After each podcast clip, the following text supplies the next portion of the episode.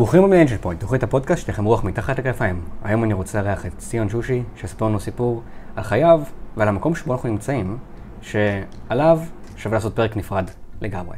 אבל נגיע לשם. ציון, מה שלומך? מעולה, תודה. מה אתה עושה היום? היום, היום מבלה את זמני איתך בכללי, מנסה למצוא את עצמי בעולמנו החדש של הקורונה. כבר מגלה עולם שלא היה קיים לפני, סדר עולמי חדש קצת שבא אלינו. איזה מין עולם אתה מדבר עליו? עולם שבו צריך כבר להקפיד על כמות אנשים שמסתובבים בחוץ. אני במקור, בעבודתי ומקצועי, מדריך טיולים. עסק שמאוד מאוד קשה לעבוד בו.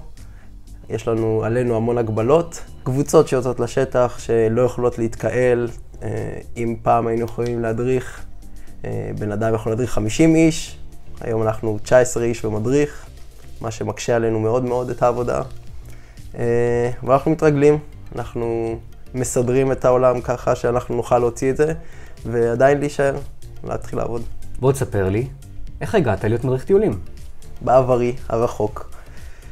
אה, הייתי מטייל, ילד שמטייל הרבה, מטפס, לוקחים אותו בעיקר אה, לכרמל לבהילות שבת, ומדורה וטיפוסים זה הכיף שלו. בעצם יצר מצב שאני והארץ מאוד התחברנו, ההורים שלי תרמו לזה המון. איך הם עשו את זה? אה, בעצם הוציאו אותנו לטייל. אין דבר כזה שבת שנשארים בבית. אם זה בקיץ זה בדרך כלל בים, אם זה ב... לא בקיץ, הולכים לטייל. כל מיני מקומות בארץ, איפה שרק אפשר, להכיר, לנסוע, לחוות.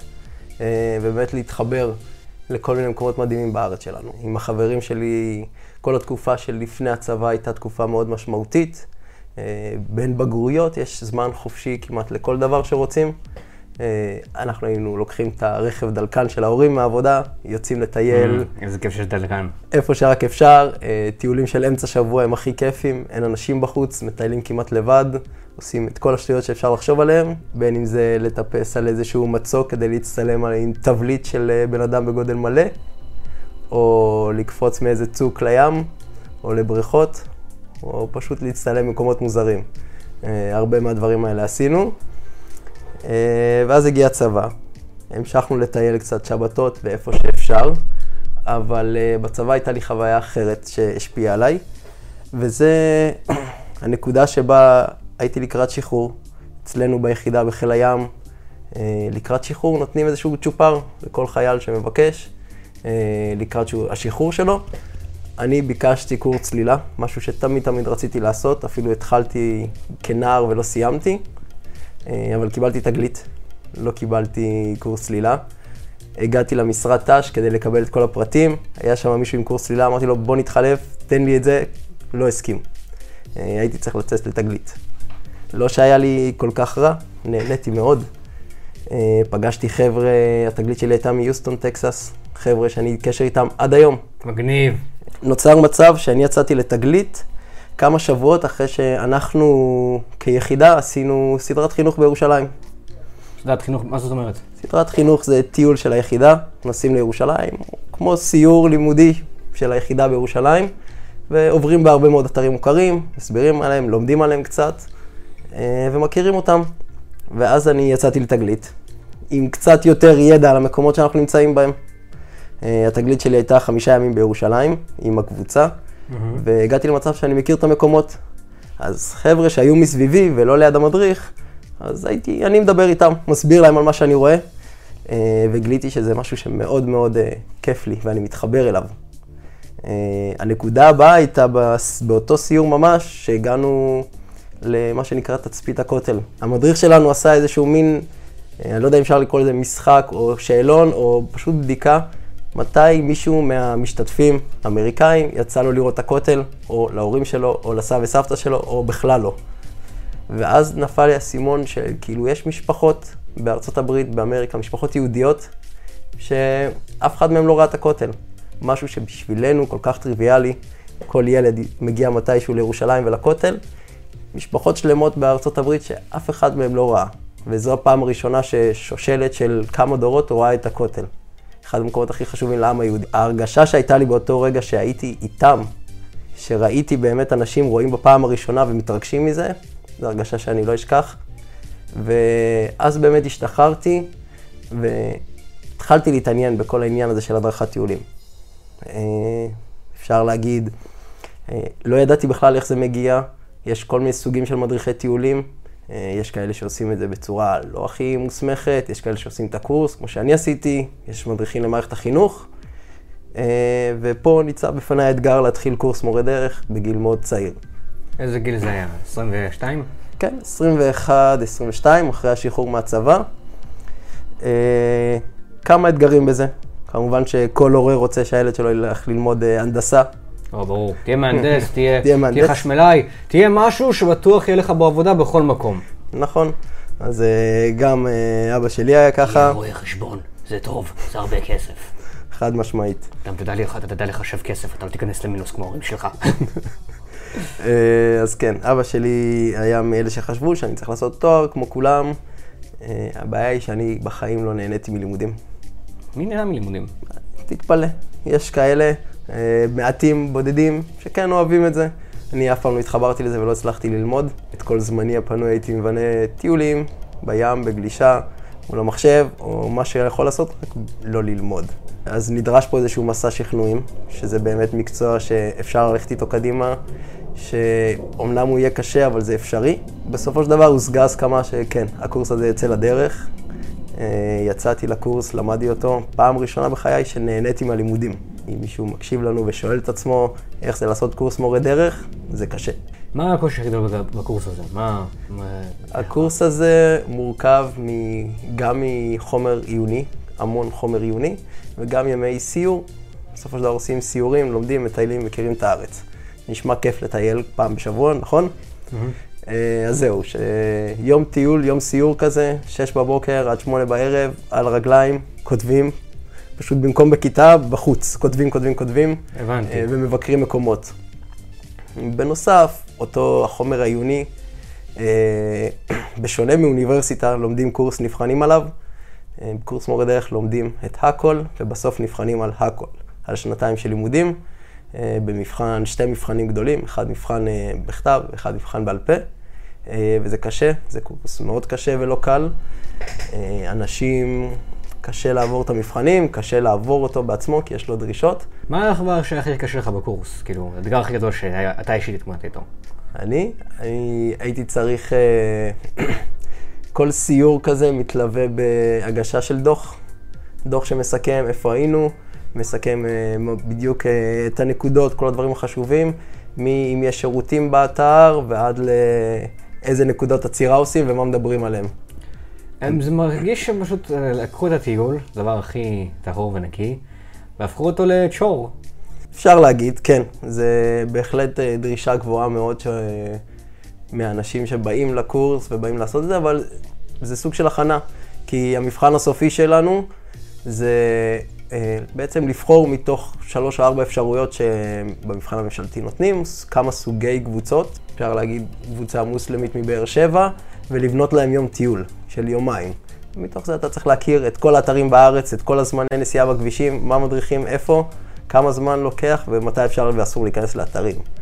אז אה, זה סוג של הכנה לזה. אתה צריך לדעת לסכם את הכל לתוך מבחן אחד. היה מבחן, פעם ראשונה נכשלתי. אני לא אגיד שזה היה קל, הייתי מאוד מבואס מזה, היה לי מאוד קשה. פעם שנייה עברתי, ולא היה מאושר ממני. היית בחיל הים, היית בן אדם של פעולה, פתאום אומרים לך, קח, אוקיי, יוצאים לטייל, במקום להסתכל, תרשום.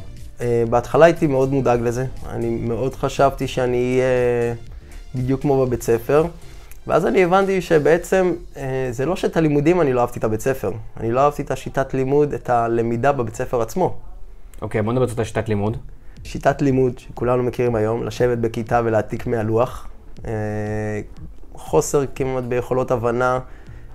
רוב הבתי ספר בארץ, אם התלמיד לא רוצה או לא מתחבר לחומר או לכיתה, לא ישקיעו בו יותר מדי אה, כדי לנסות לתת לו מעבר לזה. אתה יכול לצייר בינתיים, אם אתה לא רוצה ללמוד. כן, ת- העיקר שאתה פה ושיהיה לך נוכחות, ואם אין לך מספיק, גם לא יגישו אותך לבגרות, אם לא אין לך מספיק ציונים גבוהים, כדי שלא תוריד לנו את הממוצע. בקורס מורה דרך, גיליתי שאם אני לא מקשיב בשיעור, אני פשוט צריך לעשות את המבחן שוב פעם.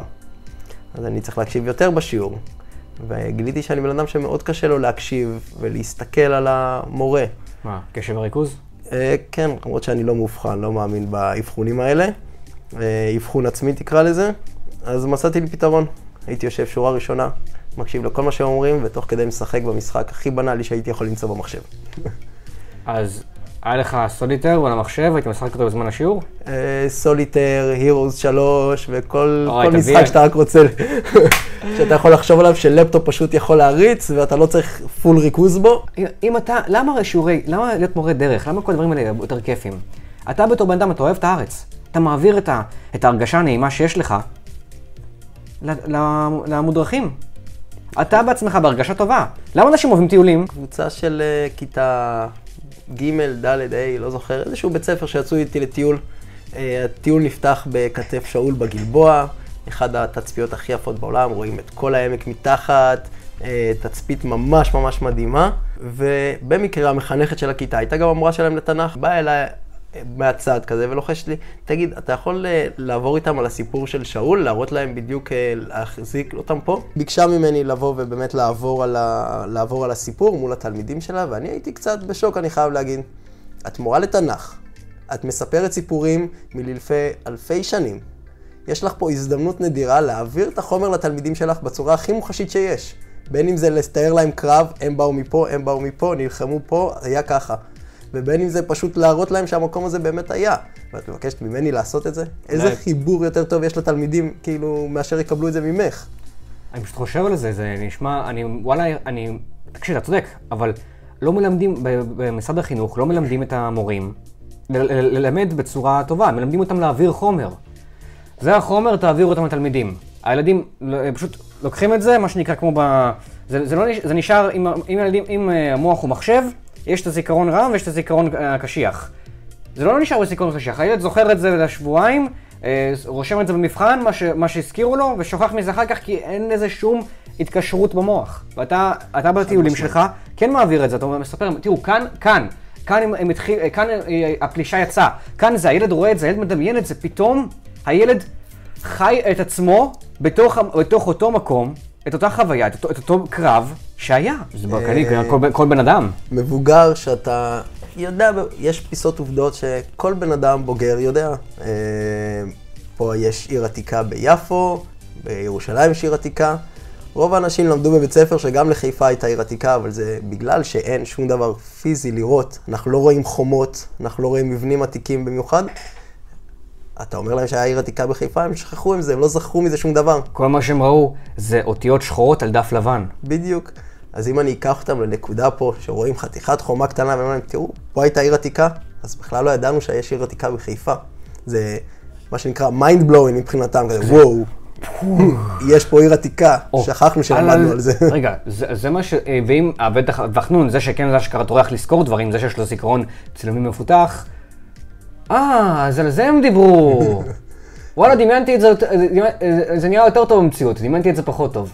כן. אה, דמיינתי את זה בשחור לבן. תכלס. כל הזיכרונות שלנו, כאילו אם אנחנו חושבים על היסטוריה, אנחנו ישר הראש שלנו ממיר אותם לשחור לבן, ופעם זה היה נראה פחות טוב, כי לא היה לנו שום איכות במצלמות ולא היה לנו שום דבר, אז הכל היה נראה פעם פחות טוב. פעם הכל היה נראה יותר טוב. אם אני הייתי חי לפני 60 שנה, והייתי יוצא החוצה ומסתכל, הכל היה נראה לי יותר טוב, פשוט כי לא היה זיהום אוויר. נכון, ה- השמיים, הש- השמיים, אם תסתכלו עכשיו החוצה, אה, הם לא, הם לא לבנים בגלל העננים, הם לבנים בגלל האבק והזיהום אוויר. נכון. אז פעם הכל היה נראה יותר טוב, לא פחות טוב. אה, איך הגענו לשם? מזה שלא לומדים. ספר לי, איך- אבל איך עכשיו שאתה עובד כבר תקופה בתור מורה דרך, וזה, אה, נראה לי שאתה כבר מאוד אוהב את העבודה שלך, וגם אה, להיכנס אליה היה מאתגר. איך זה פשוט אה, לקום כל יום בבוקר, אבל איך זה לעבוד בעבודה של אה, לטייל ולהעביר את החוויה לאנשים אחרים? זה מדהים. אני יכול להגיד חד משמעית שזה מקצוע שפשוט גורם לך להתרגש כל פעם מחדש. בין אם זה אחד הסיורים הראשונים שאי פעם הדרכתי. היה סיור סליחות בירושלים לארגון נכי צה"ל מנהריה. אנחנו מסתובבים בעיר עתיקה, אני מדריך כמו שאני יודע, אז עוד הייתי מה שנקרא מורה דרך חדש שמדבר כמו רובוט, מחפש לשפוך המון המון ידע. אה, ואני תמיד מדריך ואני רואה מישהו בקבוצה מחייך עליי, כל הזמן חצי צוחק. אני באיזשהו שלב אני ניגש אליו ואני שואל, מה, למה אתה תמיד צוחק אליי? למה, מה כל כך מצחיק? אז הוא אומר לי, תשמע בחור, אני לחמתי פה. אתה מספר את הסיפור של הפלוגה שלי, שאני הסתובבתי פה עם הפלוגה. אמרתי לו, וואו, קודם כל לא, לא, לא הייתי מוכן לזה, הייתי כזה בשוק לרגע אחד, לא וואו. הבנתי מה הוא אתה, אומר לי. לך הביאו טקסט, ולך יש, והבחור זה הב- הבן אדם בטקסט. כן, כן. מדהים. אז uh, אני הייתי בשוק באמת טוטאלי, אמרתי לו, מה, למה אתה אומר לי רק עכשיו? בוא, תן לנו משהו, תספר לי משהו, תחיה את המקום הזה, כאילו, אני מספר דברים שאני לא ראיתי, ואתה יכול לתרום לי כל כך הרבה. הוא מיד קפץ על המציאה ונתן לנו המון המון ידע שלו, שהיה לו על המקום, ודברים שקרו שם, משיעור, שאני בחיים לא שמעתי, מטיול זה הפך להיות מורק, מורשת קרב? לחלוטין. וואו. היה לי עוד מקרה מאוד מאוד מרגש, שהדרכתי איזה קבוצה של בתי ספר, אני חושב שהם היו כיתה י"א, אה, איפשהו בנגב. אני מציג תמונה של אה, מבצע עובדת, של היחידה שבעצם כבשה אה, את הנגב. המורה קופצת, באה אליי בריצה, מסתכלת על התמונה ואומרת, יא, זה אבא שלי בתמונה, אני אף פעם לא ראיתי את התמונה הזו. וואו, זה אבא שלי בתמונה. כן, הנה, מצביעה לי על אבא שלה, מראה לי את התמונות שלו, מראה לי תמונות ישנות שלו, זה אותו בן אדם לחלוטין, היא פשוט לא ראה את התמונה הספציפית הזו אף פעם. פשוט אה, מדהים, ודברים כאלה זה חוויות מרגשות. אה, משהו שהרבה אנשים לא, לא זוכים לעשות את הדברים שהם הכי אוהבים, ואתה מצאת את מה שאתה הכי אוהב בגיל מוקדם. לכל אורך חיי כמעט אימצתי עבודות שהן רק דברים שאני אוהב. לא עבדתי במשהו שאני יכול לקרוא לו עבודה קשה שלא הייתי מרוצה ממנה. לא החזקתי שם מעמד יותר מדי, יותר מכמה חודשים. אז אה, כן, לאורך חיי עבדתי בעבודות שנהניתי מהן, שמתחברות למה שאני אוהב לעשות. כמו איזה עבודות דוגמה? כמה עסקים שקשורים לגלישה, לספורט אתגרי. בהתחלה פה בחיפה, בהתחלה הייתי מדריך גלישה, אחר כך קצת אה, התקדמתי, עבדתי גם בחנות של הגלישה, אה, בחנות, באותה חנות. בשלב מסוים גם הייתי איזשהו מנהל, אה, מנהל זוטר של הקייטנות. באמת אה, ריכזתי את עצמי מסביב לעולם הזה, משם התקדמתי לחנות גלישה של מותג יותר גדול, והעבודה האחרונה הגדולה שלי הייתה בצוות, אחד מצוות ניהול של אחת החנויות הכי גדולות לסקי, סנואובורד וגלישה בישראל, בתל אביב. נשמע מטורף.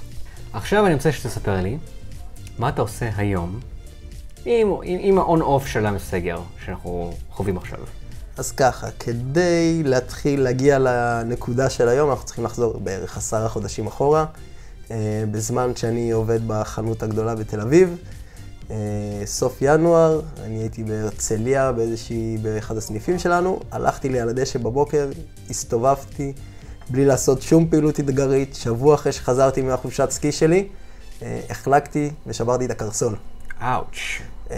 בתור בן אדם שעושה גם קצת סקייט, אני רגיל לעקם את הקרסול, קצת לנקוע אותו, קצת יוצא מהמקום, קצת מתנפח, עובר תוך יום, אז מבחינתי קראתי למישהו שיעזור לי לקום, לקח אותי לחנות, ישבתי שם כל היום, זה היה שישי בבוקר, uh, ישבתי עם הרגל למעלה כזה, כמו שרואים באיזשהו סרט מבית חולים, ואמרתי, טוב, זה יעבור מתישהו.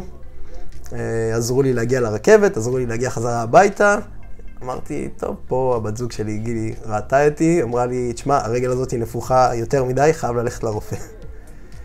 האישה אמרה? נכנסנו- כן, נכנסנו פה ביקור רופא בחיפה. בהתחלה ממש הרגשתי כמו חייל כזה שמנסה להוציא גימלים, שלא לוקחים אותו מאוד ברצינות. הוא אמר לי, טוב, בוא נצלם אותך, יהיה בסדר, אל תדאג, נשחרר אותך אוטוטו אוטוטו. אה, איך שאני נכנס לרופא אחרי הצילום, הוא פותח את הצילום במחשב, אני רואה את המבט על הפנים שלו ישר אה, משתנה. יש לך שבר, אה, וזה לא שבר פשוט כל כך, בוא תשב פה, נעשה לך גבס. אז באותו רגע הרגשתי שאני גמור. וואי, כי... בן אדם שאם אני לא גולש, אני עושה סקייט. אם אני לא עושה סקייט, אני עושה סנובורד, אני עושה מטפס, אני משתמש ברגליים שלי על בסיס אה, כל שנייה בערך שאני רגליים. יכול. ופתאום רגל שבורה ואי אפשר לזוז. וואו. אה, היה לי קשה מאוד, באמת לא... כמה שבועות שלא ידעתי מה לעשות, וזה היה בדיוק מתי שנכנס הסגר הראשון. אה, בתוך אותך הסגר הזה, שאתה לפחות, אם כבר- אה, שברת רגל זה בדיוק מתי שאסור לצאת הבי- מהבית. אני אמרתי שאני הייתי בבידוד יותר מכולם. בידוד אחד ארוך שלא נגמר. אה, באותו זמן עברתי לגור עם הבת זוג שלי, גילי, פה, אה, ממש קרוב לאיפה שאנחנו נמצאים, בחיפה. מצאנו את עצמנו בתוך הסגר הזה. אה, שיניתי את כל מה שאני יודע לעשות, למדתי, עזרתי לה לעבוד עם האתר שלה, להעלות כתבות, לשפר.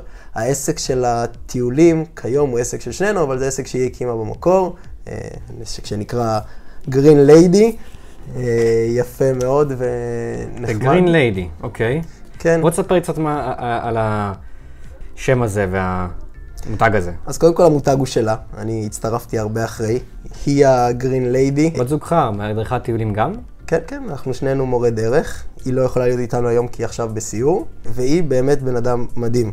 היא בנתה את המותג הזה מאפס. הגרין זה חיבור באמת לירוק, היא אוהבת טבע, היא אוהבת לטייל.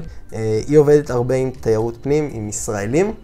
אה, יש שיגידו שהיא אפילו עומדת בראש כמה מההזמנות אה, גמלאים הכי גדולות בארץ. יש לה אתר מצליח, ועל כל זה גם הקימה קהילה של 1,500 מורי דרך שמטיילים כמה פעמים בשבוע, רק כדי להכיר עוד מקומות, לחשוף עוד מקומות חדשים. אה, אולי נראה אותם עוברים פה, כי הם היום מטיילים באזור פה בחיפה. התחלנו לעבוד על האתר. אה, נוצר מצב שאני המון על המחשב. אה, פייסבוק, אינטרנט, כל האתרים, לחפש מידע, ליצור אותו. ויום אחד, ככה סתם, נתקלתי בפוסט על חנות תקליטים. עכשיו, אנחנו בחיפה, אנחנו לא במרכז, אין פה הרבה חנויות תקליטים, חוץ מזאת המדהימה שאנחנו יושבים בה עכשיו. יש עוד שתיים בחיפה, אחת באדר, אחת בכרמל, אה, מאוד לא נגישות למי שגר פה בעיר התחתית למטה. וראיתי חנות תקליטים, רחוב החשבון 5. אני לא מכיר את כל הרחובות בחיפה, אני לא כזה מורה דרך שמשנן כל דבר בעל פה. ישר עשיתי גוגל, ואני רואה בגוגל, החנות נמצאת 200 מטר ממני. Hmm. אוקיי? בשביל מי שמקשיב לנו, אנחנו נמצאים ברחוב החשבון, הרחוב הזה יוצא לרחוב אנדור, אני גר ממש מעבר לפינה, אה, פה. ישר עשיתי גוגל, ואני רואה בגוגל, החנות נמצאת 200 מטר ממני. אוקיי? בשביל מי שמקשיב לנו, אנחנו נמצאים ברחוב החשבון, הרחוב הזה יוצא לרחוב אנדור, אני גר ממש מעבר לפינה, אה, פה. ו... לא רחוק מהרכבת חבר'ה, פשוט... כן, זה מול מרחק, הר... מרחק הליכה אה, מרכבת מרכז השמונה. מול הרכבת, אה, והייתי בשוק, איך יש חנות תקליטים? אני חובב תקליטים, מאוד מתחיל אה, אז. אה, אוהב לשמוע תקליטים, אני אוהב את הסגנון מוזיקה הזה. יש לנו תקליטים פה לידי ואני לא היה לי מושג, ישר רצתי לפה. היה רגל אחת. כן, עם uh, כיסא גלגלים שהיה לי באותה תקופה באוטו. Uh, באתי עם הבת זוג שלי, נכנסנו לפה. היית על כיסא גלגלים? כן. Uh, תראה, קביים זה עסק קשה. הוא מצריך המון כוח והמון כושר, ולפעמים זה פשוט too much. אה, זה נוח לעבור ממקום למקום, לעלות מדרגות, לעשות משהו, אבל אה, מרחקים גדולים, כיסא זה כמעט must, אי אפשר להגיע עם קביים לכל מקום. אה, אז באנו לפה, באנו וראינו חנות תקליטים, ואני ישר התאהבתי. בת זוג שלי לא מבינה לגמרי את האהבה שלי לתקליטים, אבל היא מאוד נהנית מהמוזיקה. כי זה מוזיקה. כן, מוזיקה מדברת כמעט לכולם. הייתי פה מוקסם, ועוד העובדה שכל עוד זה לא תקליט סגור בעטיפה, אה, חדש לגמרי, אין שום בעיה מבחינת עופר, והוא באמת עושה את זה מכל הלב. תיקח, תנגן, תשמע מה שאתה רוצה, אז אתה יכול לשבת פה ולשמוע מוזיקה פשוט וליהנות ממנה, וזה היה מדהים. באמת, כמובן שיש לו פה גם פטיפון שכל כך הרבה יותר רמות מעל הפטיפון שלי, שזה תענוג לשמוע בו. אה, לראות פטיפון שהוא מתפקד, בתקופה שכולנו בספוטיפיי, ואתם בטח מקשיבים לפודקאסט הזה בספוטיפיי, אם לא ביוטיוב, ושם נמצא את כל המוזיקה, זה משהו שיש לו את, הרט... את הקסם הרטרואקטיב הזה שלו. אז מתוך כל הדבר הזה, אה, בין סגרים, התחלנו להוציא סיורים שקרובים לבית. בעצם סיור פה בעיר התחתית, סיור בוואדי פה למעלה קרוב, וסיפרנו על זה על עופר יום אחד, שאנחנו עושים סיורים, ועופר אמר, יא, תדעו לכם, אני פתחתי פה את החנות, כי ממש אה, זה מקום מאוד אה, נחמד, אני מאוד אוהב את הגישה של רחוב קצת שקט יותר באמצע העיר, אבל פה מעבר לפינה יש את הבית שבו נולד מייק ברנט. למי מכם אה, שמאזין לנו ולא מכיר, מייק ברנט זמר ישראלי שהיגר לצרפת, זמר שלא הצליח בארץ, אבל בלי לדעת צרפתית עבר לצרפת והצליח בקנה מידה עולמי. ואין בן אדם שלא מכיר אותו, כאילו, מאותו, מאותו אזור זמן, אחד האנשים, הזמרים הכי מוכרים בעולם. אה, וחשבנו, איך אנחנו יכולים להתחיל לשלב את זה בתוך הסיורים שלנו. אה, אנחנו עושים סיורים פה בעיר התחתית, מדברים המון על אה, התחדשות עירונית, מדברים על אומנות קיר, יש פסטיבלי גרפיטי, שזה משהו מטעם העירייה שמציירים. ויש פשוט גרפיטי ואומנות רחוב שמצוירת ככה סתם בלילה, מבלי שבאמת מישהו רואה אה, או יודע. ואנחנו באמת עוברים פה בסמטאות, והסכמנו שאנחנו נעצור פה אצל מייק ברנט, אה, ונסביר עליו ונעשה את אותה הדרכה, ולאחר מכן ניכנס פה לחנות תקליטים, עופר, שאנחנו באים, שם לנו קצת שירים של מייק ברנט, ואז אנחנו מתחילים לדבר על אותו... על הדבר הזה שנקרא פטיפון ותקליטים. עכשיו, אנחנו אומרים, אנחנו יודעים שפטיפון זה משהו ישן מאוד, שלא מדבר להיום, אבל uh, תתפלא, פטיפונים uh, חוזרים ובענק, והסיבה היא כזאת. אנחנו היום רגילים, כמו שאמרת, לשמוע ספוטיפיי, יוטיוב, שהמטרה שלהם שנשמע כמה שיותר מהר, שנכניס להם כמה שיותר כסף, שישמעו את זה לאורך זמן. ושישמעו פרסומות ברקע. בדיוק. ובשביל זה מה עושים? לוקחים ודוחסים את הקבצים של המוזיקה, כדי שהם יעלו מאוד מהר. ובכך מורידים בעצם את האיכות של המוזיקה. אנחנו לא שומעים מוזיקה באיכות מדהימה. יכול להיות שהיא נשמעת טוב, אבל העומק של הצלילים הוא מאוד מאוד רדוד. כל הקבצים נדחסים ל-MP3, למי שמבין קצת בסאונד יודע שזה מוריד את האיכות. והרמקול הוא בגודל כזה קטן, אז אתה יודע, אין, אין, ממש, אין יותר מדי דרך לתת למוזיקה להתבטא כמו שצריך, אם אין לך מערכת, מערכת מסודרת. אז אם אפשר להגיד במרכאות, הקובץ הכי טוב שניתן לנו לנגן הוא בעצם אנלוגי, זה בעצם תקליט, שאם מסתכלים עליו במיקרוסקופ, אנחנו בעצם נראה עליות וירידות של המשטח של התקליט, שבעצם המחט של הפטיפון קוראת אותו, אותם, ואז אנחנו, ואז היא משמיעה לנו מוזיקה, אם זה פטיפון או גרמופון. אה, ואז זה מביא אותנו לאיכות איכות מאוד מאוד מאוד גבוהה, שאין בן אדם שלא יכול ליהנות ממנה. עכשיו, אני אמרתי שזה מתחבר ממש לכל ה, הגילאים. לא רק בן אדם שגדל, שהיה נער בשנות ה-70, ייהנה היום מפטיפון, כי אם אני אסתובב פה אחורה, אני לא חושב שיש בן אדם בשנות ה-70, שגדל ב-70, שייהנה להאזין לתקליט הזה. אנחנו רואים, נכון? כן, רואים. אה, אז כן, יש לנו פה את פרוזן, הסרט, אחד האהובים על הילדים היום. על תקליט עם סאונדטרק מלא, עם אפילו מה שנקרא פיקצ'ר דיסק, שזה הדפסה על התקליט עצמו. Uh, התקליט הזה מתנגן לכל דבר והוא מדהים. Uh, אז כן, ילד מתחבר לזה. ואם אנחנו מדברים על נערים ונוער, אז אנחנו יכולים לראות, מי שאפשר לראות בקיר מאחוריי, uh, את כל הזמרים החדשים, כל זמר שמכבד את עצמו היום הברית מוציא תקליט, והתופעה הכי יפה שאנחנו רואים, אה, החברות לוקחות את התקליטים הישנים, את התקליטים המיתולוגיים שלנו, אה, שלא משנה מי שמע אותם, אם אנחנו מדברים על פינק פלויד, ACDC, אפילו כוורת ולהקת המוז, עושים להם remaster, בעצם עושים להם איזשהו עיבוד כדי לשפר את הסאונד שלהם עוד יותר מהקיים, ומוציאים אותו בתקליט חדש ואיכותי יותר. יש לנו אה, אלבומים שלמים שהוקלטו, נכתבו, אה, במטרה שישמעו אותם מההתחלה ועד הסוף, בלי לעבור שיר, בלי לבחור את השיר הספציפי מתוך האלבום שאתה רוצה. אה, הדוגמה הכי מובהקת, Wish You Were Here של פינק פלויד, אה, אלבום שמתחיל בשיר אחד, נגמר באותו שיר, בעצם שיר של 30 דקות, שמחולק בתוך התקליט לשלושה חלקים, וכל התקליט מתחבר לעצמו לאחד. וואו. אה, אנחנו רואים את זה גם היום בימינו, למשל אם ניקח את הזמר הישראלי טונה, והחלק, האלבום החדש שלו, החלק האינטרגלקטי, זה אלבום שהוא מתמשך והשירים לא נפסקים בעצם. החיבור בין שיר לשיר הוא מיידי, אה, אפילו בסאונד עצמו. זה חוויה מדהימה, לשמוע אלבום מההתחלה ועד הסוף, כמו שהתכוונו להוציא אותו, אתה שומע יצירה חדשה לגמרי. אתה יודע מה זה מזכיר לי? ואני לא יודע אם מישהו מכם אה, מצא את זה. את אה, אבי שם טוב, אה, אה, טובי.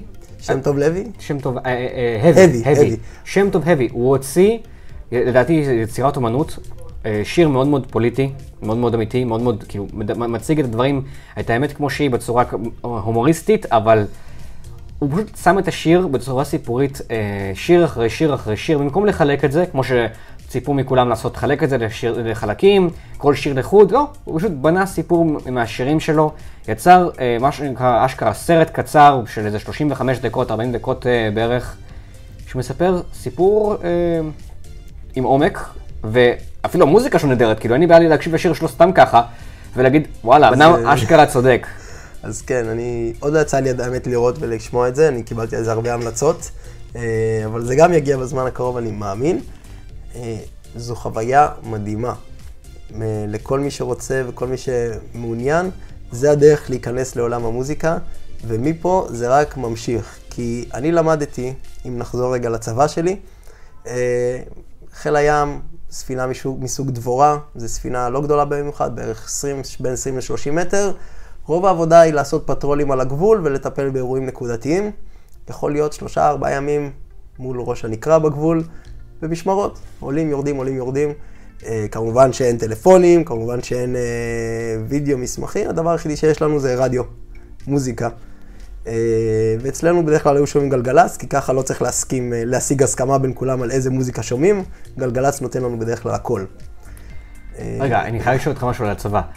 רגע, אז לא היו אז טלפונים פשוט, או שלא היה היה אסור להשתמש במכשיר שהוא לא... שיכול לתעד? זה 2007, אני ממש זוכר את ההתרגשות של האייפונים הראשונים מגיעים, אה, והיו איזה שתי חבר'ה בפלוגה שהיה להם אייפונים. היה לנו טלפונים, אסור להשתמש בהם ביד, הם חייבים להיות אה, קבועים, כי זה פעילות מבצעית. אה, יענו בגלל שיש להם מצלמה? אה, גם בגלל מצלמה וגם בגלל שפשוט אז היה אסור, אני לא יודע איך זה היום, אבל אסור היה להשתמש בטלפונים, הם חייבים להיות הנגנים קבועים. פי שלוש ודברים כאלה היה מותר? כן. מאזינים של גלגלצ ידעו שאפילו יש כמה רוטינות גבוהות. אה, האהובה עליי מביניהם זה הללויה, כל יום שבת ב-12 בלילה. אה, השיר הראשון אחרי 12 בלילה יהיה הללויה. אה, וזה דברים שחוזרים על עצמם.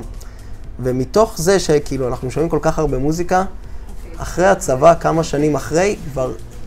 אה, זה לא שנמאס לי מהמוזיקה, נמאס לי לא להבין מה אני שומע. אוקיי? אני מנס... הייתי מנסה לשים שם על שיר, משהו, ולא הייתי מצליח כי זה לא משהו שמתעכבים עליו, זה לא משהו שמדברים עליו הרבה ברדיו. יענו, הם פשוט מנגנים שיר, כן. היא- הקריין יכול להגיד לך את השם של של האומן, או יכול לא, או פשוט לא לעשות- לא לעשות את זה. כן, בדרך ו- כלל, מה שגלגלצ נוהגים, הם בדרך כלל שמים שתי שירים ברצף אחד אחרי השני, לפני השיר אומרים את השם שלו, ואחרי השיר אומרים את השיר ש- השם שהיה. קל מאוד לפספס ולא באמת מדברים עליו. כן, אה, כאילו... טיפ-טיפה מידע פה, טיפ-טיפה מידע שמה, קצת יותר מ... קצת יותר חופרים, וזה כבר אתה מרגיש שינוי. אתה פתאום מתחיל להבין מי מאחורי השיר, שיש בן אדם מאחוריו. אה, את כל התהליך הזה עשה איתי חבר מאוד מאוד טוב שלי מתל אביב, רן, שחווה את אותו דבר איתי. אה, גם הוא בא מבית, אה, הוא בא מבית מוזיקלי, שחיפש להעמיק את הידע שלו במוזיקה. מהמם. וזה תהליך שהרבה יותר קל לעשות איתו עם עוד בן אדם, כי אתה פתאום יכול לשתף. אתה מגלה משהו אה, פיקנטי ומאוד מדהים על שיר שאתה אוהב, אתה מת לשתף אותו עם מישהו, ואז אתה שולח. ואז התחלנו לשתף בינינו עובדות על שירים, ללמד אחד את השני דברים כאלה, אה, ואז נחשפנו לעולם הפודקאסטים. אה, אפשר למצוא היום ברשת פודקאסטים כמעט על כל סגנון אה, מוזיקה, על כל אלבום מיתולוגי, על כל דבר, והתחלנו לשמוע אותם. לי היה המון זמני נסיעות, כל בוקר שעה ברכבת הלוך, שעה ברכבת חזור, אז זה הזמן להפ- אה, זה וזה זמן האוזניים. להקשיב. ומקשיבים ומקשיבים ולומדים, ועפנו על זה. אני לא יכול להגיד לך שאני איזשהו גאון מוזיקלי, אני זוכר את מה רוב הדברים. הפודקאסט שהכי נגע בך? פה של חצות של כאן 11 עושה עבודה מדהימה, אבל הדבר שהכי הכי גרם לי להיפתח כאילו לעולם המוזיקה בצורה מדהימה, אה, לרגל 50 שנה לוודסטוק, כאן 11 עשו תוכנית של כמה פודקאסטים על הדרך לוודסטוק. עכשיו, כולנו יודעים, וודסטוק, פסטיבל מוזיקה גדול מאוד, היה בשנות, בשנת 69, אה, קיבץ אליו המון אנשים, הופעות כמעט הכי טובות שהיו בכל הזמנים, אבל לא היה לי מושג כמה סיפור יש מאחוריו. מה הוביל לרגע הזה, כמה קשה היה הפסטיבל הזה, כמה צרות היה בתוכו ומה היה אחריו, והם באמת עשו אחלה עבודה של כמה פרקים של סקירה היסטורית של מה היה לפני ואחרי, שפשוט גרמו לי להגיד, וואו, מוזיקה לא באה מבן אדם שישב בבית והחליט לכתוב שיר סתם ככה. כל בן אדם, כל מילה שבן אדם כותב, יש לה איזושהי משמעות איפשהו בעולם למישהו. אם אנחנו יכולים להגיד מה הביא ג'ניס ג'ופלין לשיר על הבמה אחרי שעות על גבי שעות שהיא הייתה תחת השפעת סמים, איכשהו הצליחה להיות משבר כלי שדחפו אותה לבמה, לתת את אחת ההופעות הכי מוכרות בעולם, כאילו עם נאומים מטורפים, שאף אחד לא הבין שבן אדם על סמים יכול להוציא נאום כזה. כנראה שפשוט משהו עמוק היה בתוך הלב שלה, והיא... אה, הייתה צריכה, מה שנקרא, liquid courage בשביל להוציא אותו. אה, כן, יכול להיות, אנחנו לא יודעים מי האנשים שמסת... כאילו, אנחנו לא יודעים אותם עכשיו, הם אנשים שכאילו כבר מזמן לא איתנו לצערנו, אבל בתוך זה קיימים כל כך הרבה סיפורים שלא נגמרים, ולהתחקות אחרי הסיפורים האלה, להבין מאיפה השירים באים, אם זה שיר שנכתב על מקרה ילדות, או שיר שנכתב על אה, אירוע פוליטי, כל מיני דברים כאלה, להכל יש משמעות, וזה פשוט כיף אה, בשבילי. ואחר כך הגעתי למסקנה שאנחנו עושים פה את הסיורים האלה, סוף סוף יש לי עם מי לחלוק את הידע הזה. אמרתי שאנחנו למדנו, וזה קשה מאוד, אה, אתה יודע, להיות בקשר רק אחד עם בן אדם אחד, אתה משתף רק איתו. אני מגיע לחנות תקליטים, שאני רק שולף תקליט, ואני יכול אה, להסביר עליו בכיף, ולתת את חוות הדעת שלי על מאיפה הוא בא, למה הוא בא, מה הוא היה, ופתאום אנשים נהיים מרותקים לסיפור הזה. אה, ואנשים מתחברים למוזיקה, אתה מרגיש חיבור למוזיקה של אנשים. ברגע הזה, כאילו, אה, עופר ששמע אותי פעם ראשונה מדריך פה, אמר לי, וואו, אתה יודע הרבה על מוזיקה. אמרתי לו, אני לא יודע הרבה, אני פשוט אוהב את זה, אז אני מוציא את מה שיש לי. אה, והגענו למסקנה ביחד שצריך להתחיל לעשות סיור מוזיקלי, סיור בעקבות מוזיקה. אנחנו בעיקרון עושים את הסיור מפה, מתחילים מכאן, יוצאים לרחבי העיר התחתית והכל מלווה במוזיקה ובאנקדוטות לשירים, דברים שלא היו לנו מושג שכאילו קשורים אלינו בעקיפין או בדרך ישירה. אה, אנחנו יכולים לחבר כמעט כל דבר למוזיקה, כל דבר שאנחנו רואים ברחוב. וזה לגמרי תוצר של המצב הזה עכשיו, של אין מה לעשות בבית, כל בן אדם צריך להמציא את עצמו מחדש. אה, מורי דרך הם הראשונים שנפגעו. מכל הסיפור הזה. ברגע שאסור לצאת החוצה, ברגע שאין טיסות, אין תיירות ואין כלום. אה, אם אנחנו מסתכלים עליי, מפברואר, אם אני לא מסתכל על... אם לא הייתי שובר את הרגל, עד uh, קדימה, אלוהים יודע עד מתי, בוטלו לי 60 ימי טיול. 60 ימי טיול, זה שווי של כמעט uh, 40-50 אלף שקל, משהו כזה, שהלכו לפח ואין לי מה לעשות איתם. אין לי מה לעשות עם הזמן הזה. אה, אז חייב, כל בן אדם, כל מורה דרך חייב להמציא את עצמו מחדש. אה, וזאת הייתה הדרך שלנו, להתחיל לבנות ציורים חדשים, לגרום לאנשים להתחבר לדברים שאנחנו אוהבים, וזה פשוט מדהים. אז אני ממש אוהב את העובדה שהקחתם את כל הקושי הזה. ואני אישית מאוד אוהב את המקום הזה, הקטן הזה של עופר. כן, ואם אני חוזר רגע למה שאמרת מקודם, יש משפט מאוד מאוד אה, יפה שראיתי פעם על איזה קיר, אני לא יודע של מי הוא, אבל הוא אומר, אה, מוזיקה מנקה מהלב את אבק היום-יום.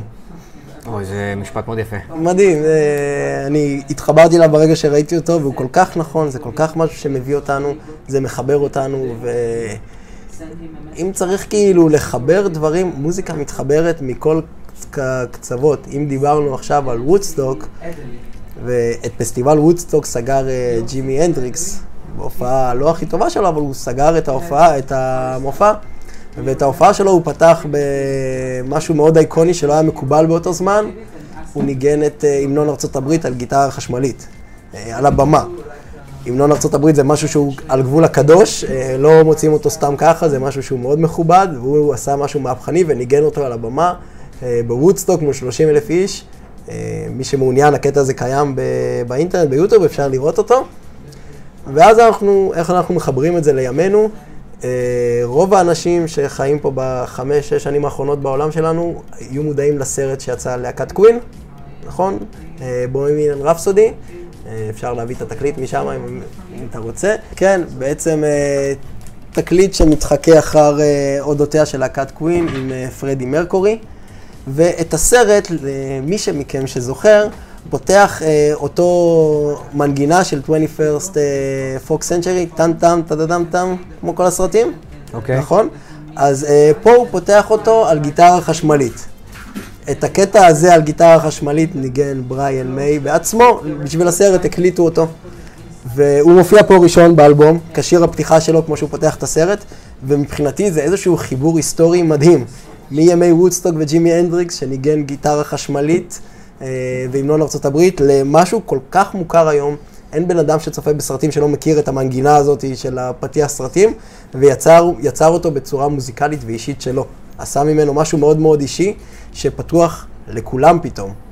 אה, והנה זה חיבור אחד מתוך כמויות שאנחנו יכולים לעשות, של מוזיקה בין העבר להיום. אה, וזה מה שאנחנו פחות או יותר מנסים להעביר בסיפורים, לחבר את מה שהיה פעם, את המוזיקה של פעם, לאנשים של היום, שיגלו שזה באמת קיים, שהם יכולים למצוא את החיבור הזה. אה, זה העבודה שלנו בתור מדריכי טיולים. אני מקווה שאנחנו עושים אותה טוב ומעבירים אותה, ובאמת זו התרגשות לראות בן אדם כל פעם מחדש אה, מגלה משהו חדש. אפילו אם זה העיר שלו, והוא גר בחיפה שנים, אין בן אדם שלא יצא עם אה, משהו חדש מהסיורים האלה.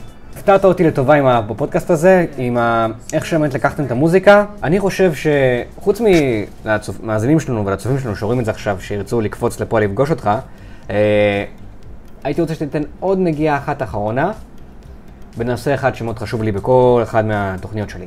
מה הדבר שעזר לך לקדם את עצמך למעלה? בכל, גם בתוך התקופה הכי קשה. רואים אותך בנקודה הכי נמוכה שלך. מבחינתי, לשבור את הרגל, לא יכולת לזוז, זה נקודה כל כך נמוכה שבחיים לא חשבתי שאני אגיע אליה. אני יכול להסתדר בלי כסף, אני יכול להסתדר בלי דברים פיזיים בחיים, אבל לקחת לי את היכולת לזוז היה משהו שמבחינתי אחת הנקודות הכי נמוכות שלי. אה, אם לא היה לי את האנשים שלי מסביב, אם לא היה לי את ההורים שלי שתמכו לי, אם לא היה לי את הבת זוג שלי, ארוסתי היום, שתתמוך בי ותעזור בי בכל דבר שאני רק אה, ביקשתי ממנה לעזור, ואם זה לעזור לי להגיע לחנות תקליטים, שאומנם זה מרחק של 300 מטר, אבל לדחוף אותי על כיסא גלגלים זה לא הדבר הכי קל וזה קצת בעלייה, לא הייתי מגיע לפה. אז אותם אנשים שרואים אותך בנקודה חלשה ומרימים אותך למעלה, זה... אין דבר כזה. ההרגשה הכי כיפית שיש, שמישהו באמת אכפת לו ממך, אה, שאתה לא לבד בתוך כל דבר הזה שאתה עושה. כל אחד כזה יקבל ממני מה שהוא ירצה. מקסים פשוט. אז אה, ציון, אני רוצה להודות לך על ששיתפת וסיפרת. תודה לך. ודבר האחרון, אם אתה רוצה, מוזמן להשאיר פרטים אם מי שרוצה ליצור איתך קשר על כל מיני פרויקטים אה, מתקדמים. כן, אז קודם כל אפשר למצוא אותי בפייסבוק, ציון שושי באנגלית, מאוד מאוד פשוט. Z-I-O-N-S-U-S-I, תמונה של גולש, אה, קל לזיהוי. אה, העסק שלנו, של, אה, שלי ושל גילי הבת זוג שלי, נקרא Green Lady, הדרכת ציורים, אפשר לפנות אלינו או מהפייסבוק או מהאתר, אנחנו ממש שם בשביל כולם. אוי, אנחנו מדברים עליהם והם עוברים פה בחוץ. היא ממש פה בחוץ, איך שאנחנו מדברים עליהם. עוברים לידינו, אמרו להיות יותר, אני רואה שהם שומרים מרווחים. אבל כיף לראות שהם פה. Uh, אז אתם רואים עכשיו בעצם את אותה קהילת מורי דרך שהיא הקימה לפני uh, שלוש או ארבע שנים. היום היא מונה uh, כמעט 1,500 מורי דרך. אז כן, קיבלנו, קיבלנו מבט לייב על איך הסיורים האלה קורים, ממש uh, אונליין. ציון, היה ממש כיף. מקווה, חבר'ה, מקווה שאתם בבית נהנתם, ואנחנו ניפגש בפעם הבאה. עד אז, תמשיכו לחייך.